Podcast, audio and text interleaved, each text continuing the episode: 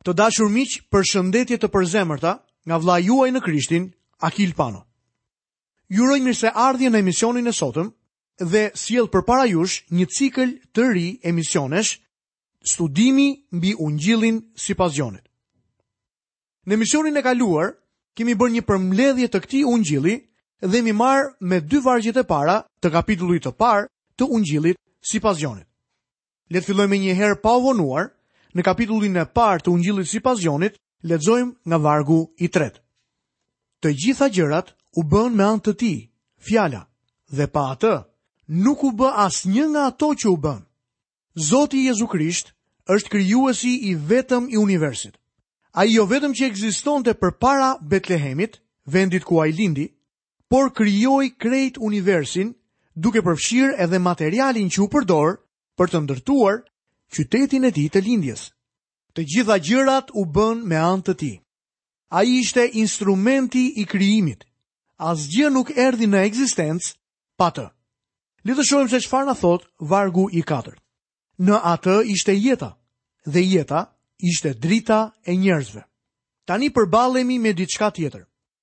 Dy nga gjërat më të thjeshta në botë janë drita dhe jeta.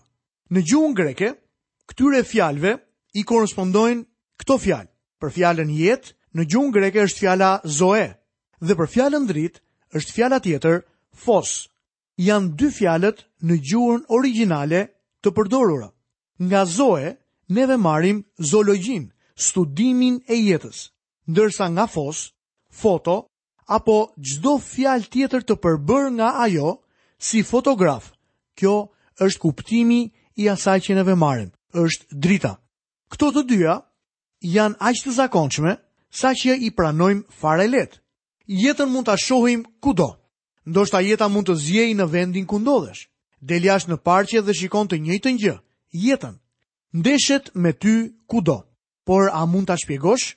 Shikon revistat e ilustruara të së dielës që thonë se tani njerëzit kanë zbuluar burimin e jetës. Por nëse do t'i lexosh, do të zbulosh se nuk kanë gjetur asgjë, edhe pse mendojnë që janë shumë afër. Vendosin një gjethe jeshile në një mikroskop, për një moment shohin se qeliza e vogël është e fiksuar në një mënyrë dhe është e vdekur. Pastaj momentin tjetër është e fiksuar në një mënyrë tjetër dhe është e gjallë. Dhe pikërisht këtu fillon rritja, dyfishimi, ndarja dhe shumimi i vetvetes. Pse bëhet kjo? Sepse ka jetë. Gjëja tjetër e zakontë është drita. Mirëpo çfarë është drita? Kam dëgjuar shpjegimin që një person dha për dritën. Por kur ai mbaroi shpjegimin e tij, Nuk isha i sigurt nëse drita ishte diçka e vërtetë apo thjesht valë. Sepse edhe pse diçka mund të pritet, drita do të depërtojë në të. Ashtu siç e dini edhe ju, ka disa lloj dritash që depërtojnë përmes disa objekteve që i ndalojnë valët. Ne po flasim për disa gjëra që janë themelore. Edhe pse njerëzit sot, me gjithë pajisjet e tyre shkencore,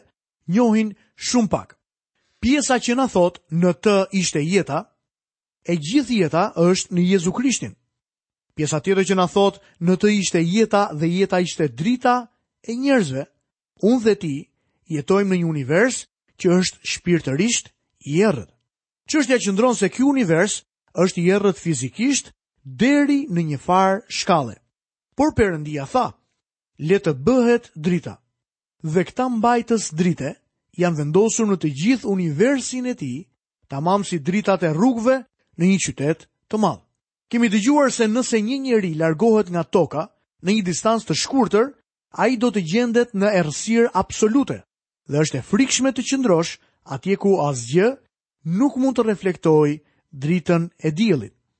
Globi ynë i vogël ndodhet në një univers të errët që nuk është asgjë përpara errësirës shpirtërore që e mbështjell. Vetëm kur perëndon dielli, mbi tokë ka errësirë fizike, por errësira shpirtërore mbizotëron 24 orë në ditë. Njeriu nuk e njeh Perëndinë. Njeriu është rebeluar ndaj tij. Njeriu ndodhet në mëkat dhe është i verbuar. Në Zotin Jezu Krisht ka jetë. dhe jeta që ai jep është drita e njerëzve.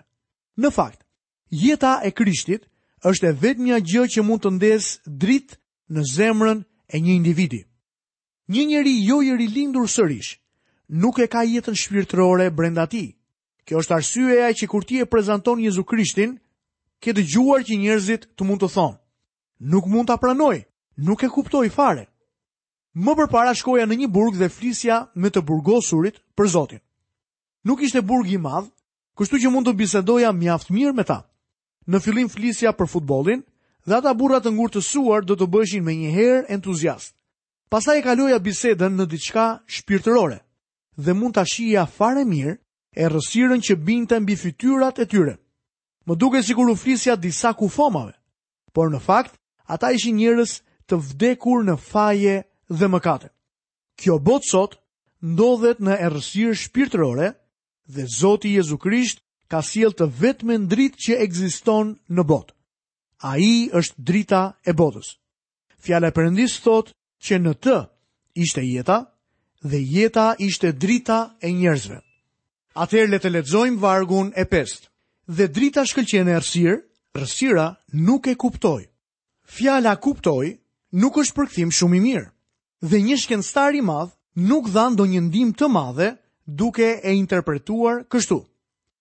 dhe errësira nuk ishte e aftë ta shpërndante dritën. Ky nuk është fare përkthim. Fjala në greqisht e përdorur është katelaben, që do të thotë shkruaj.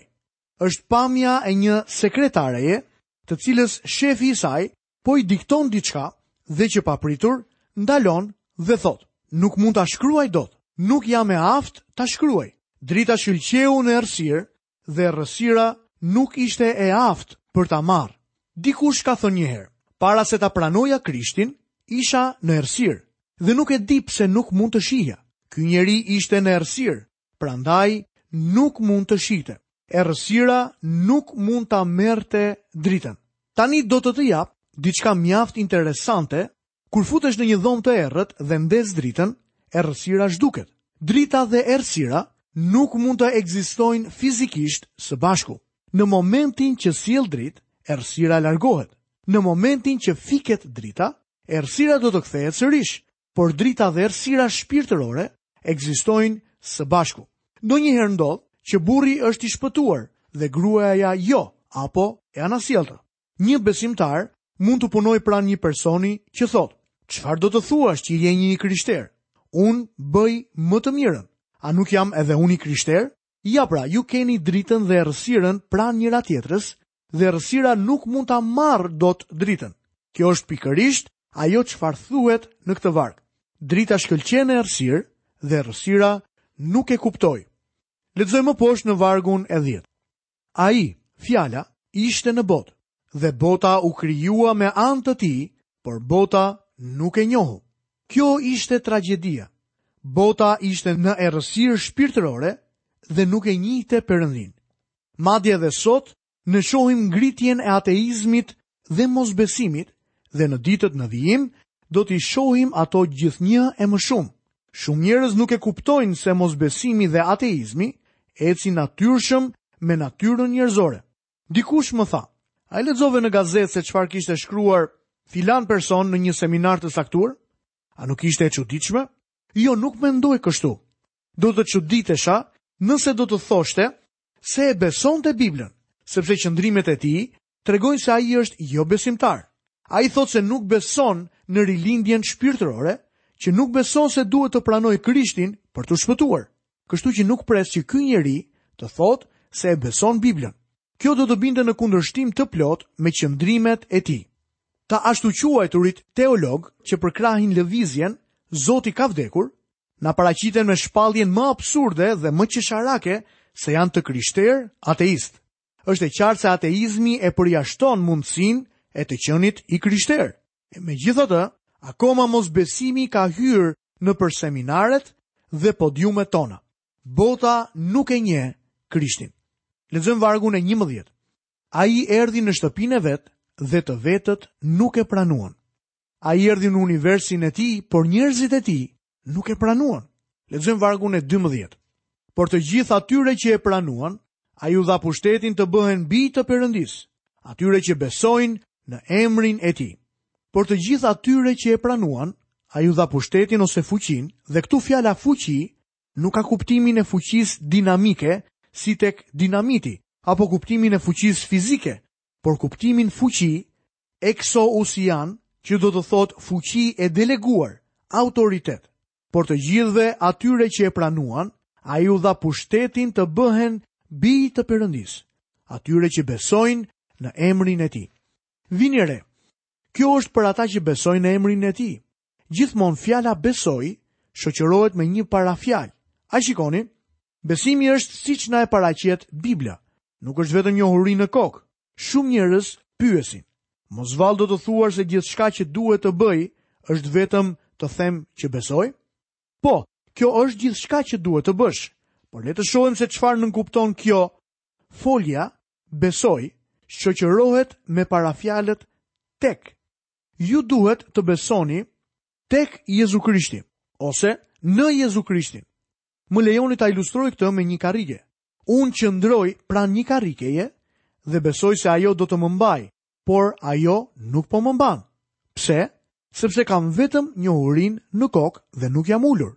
Vetëm them, po, ajo do të më mbajë, mirëpo tani, le të supozojmë se unë besoj tek karrigja duke u ulur në të.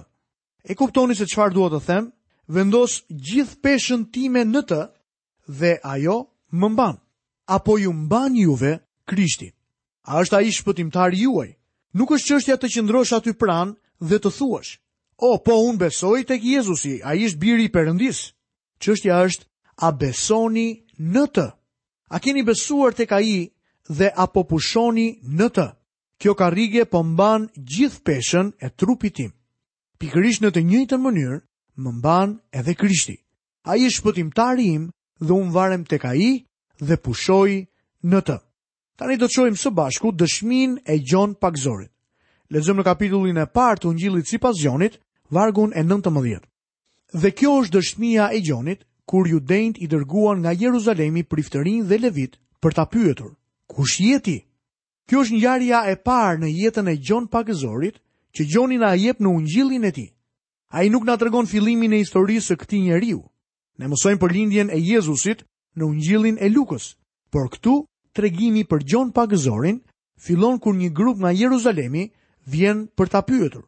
Ata e pyesin, kush je ti? Në këtë përgjigje, gjendet një tundim i lehtë, sepse kjo i jep Gjonit mundësinë që ta bënte veten e tij dikushi. Tek Gjoni 3 dhe vargu 30 gjejmë përgjigjen që Gjoni u dha dishepujve të tij. Ai tha, Ai duhet të rritet dhe unë të zvogëlohem.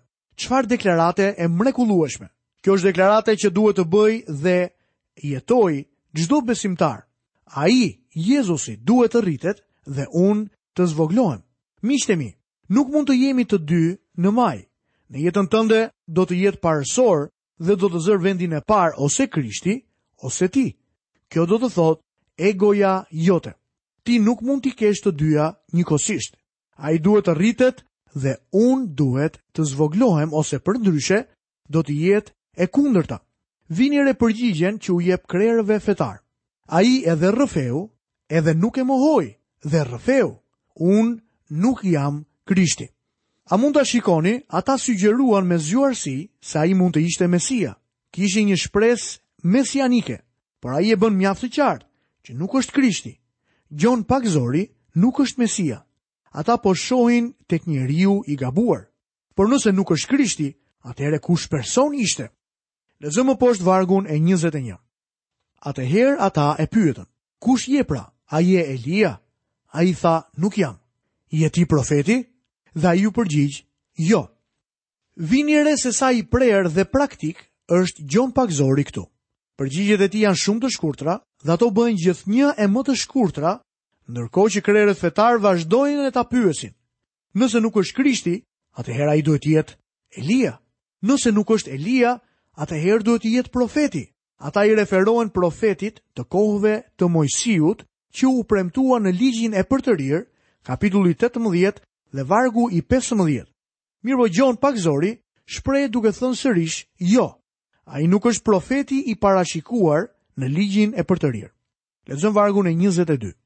Atëherë ata i thanë, kush je ti që t'u japim përgjigje atyre që na dërguan? Çfarë thua për veten tënde?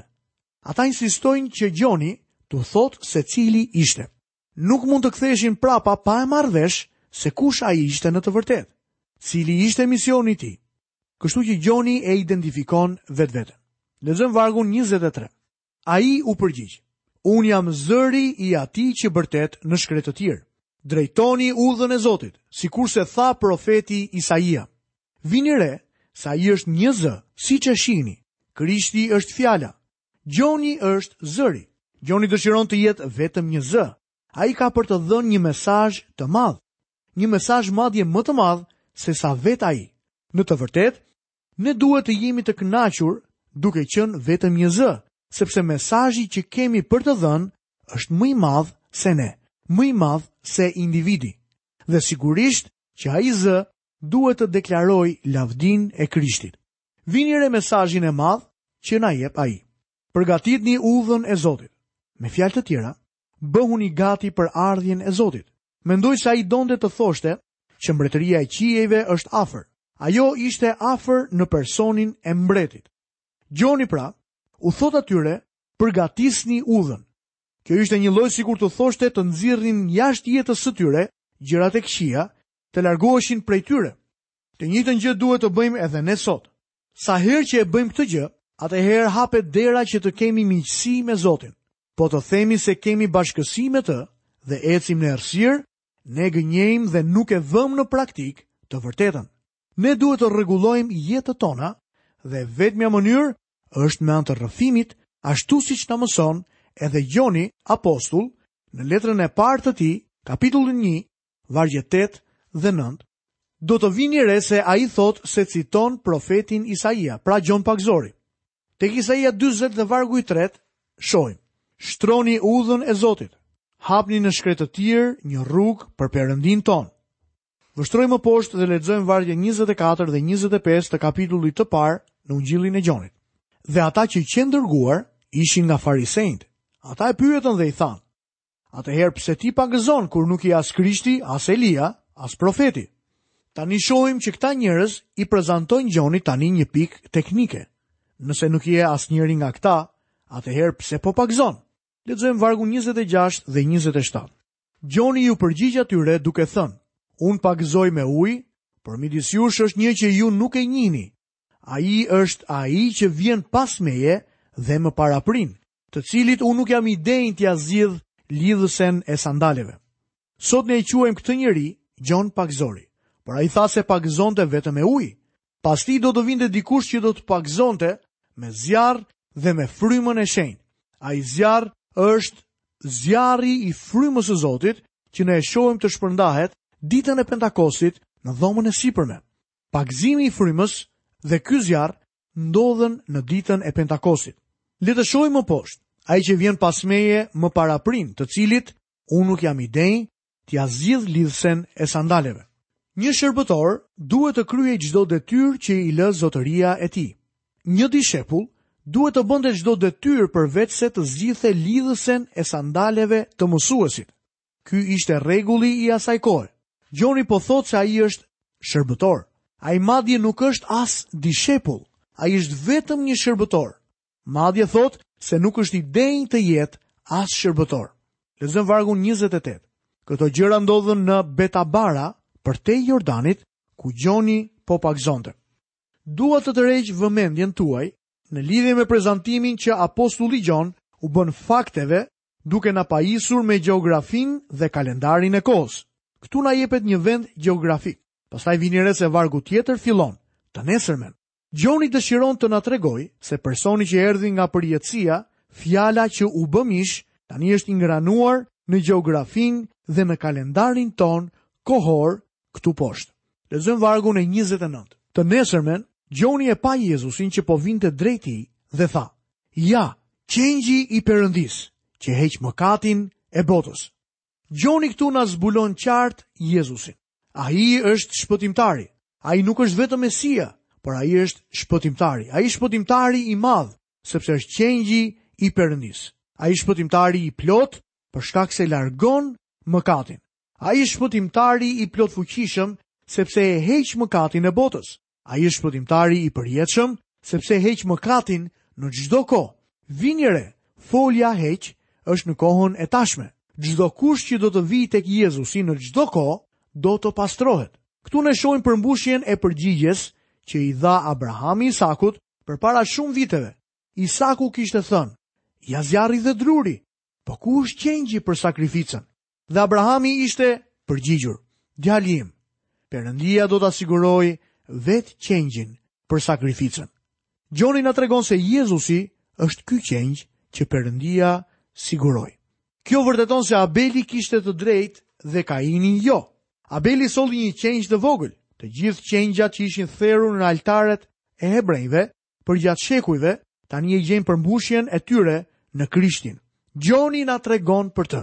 Ja qengji i Perëndisë që heq tutje mëkatin e botës. Lexojmë vargun 30 dhe 31. Ky është ai për të cilin unë thashë, mbas meje vjen një burrë që më ka paraprirë, sepse ishte përpara meje. Unë nuk e njihja, prandaj erdha të pagëzoj me ujë, që ky t'i zbulohet Izraelit. Gjoni po thotë se Jezus ishte pagëzuesi i vërtetë. Ai mund ta quajë atë Jezus pagëzori. Ai është i vetmi që pagëzon me frymën e shenjtë dhe me zjarr. Tani do lexojmë nga vargjet 32 deri në vargun 36 dhe këto do të jenë vargjet e fundit që ne do të lexojmë në emisionin e sotëm. Dhe Gjoni dëshmoi duke thënë, e pashë frymën duke zbritur nga qielli si një pëllumb dhe ndenji mbi të. Unë nuk e njihja, por ai që më dërgoi të pagëzoj në ujë, më tha, ai mbi të cilin do të shikosh se zbret fryma dhe qëndron mbi të, është ai që pagëzon me frymën e shenjtë, dhe unë pashë e dëshmova se ai është biri i Perëndisë. Të nesërmen Gjoni rrinte përsëri atje me dy nga dishepujt e vet. Dhe duke i ngulur sytë mbi Jezusin që po kalonte, tha: "Ja qengji i Perëndisë." Më parë ishte shkruar: "Ja qengji i Perëndisë që heq mëkatin e botës." Kjo ishte vepra e Krishtit, Ndërsa tani na thuhet, ja qengji i Perëndisë. Krishti është qengji në personin e tij. Shohim se Gjon Pagëzori e pagëzon Jezusin dhe Jezusi identifikohet nga fryma e shenjtë. Duke parë Krishtin ndërsa ecte, Gjoni tha, Ja, qengji i Perëndisë. Të dashur miq, Jam me të vërtetë mirënjohës Perëndisë që kemi privilegjin të studiojmë Fjalën e Tij, veçanërisht kapitullin e parë në Ungjillin e Gjonit dhe kemi favorin e mrekullueshëm të kalojmë përmes këtyre vargjeve të veçanta në këtë kapitull.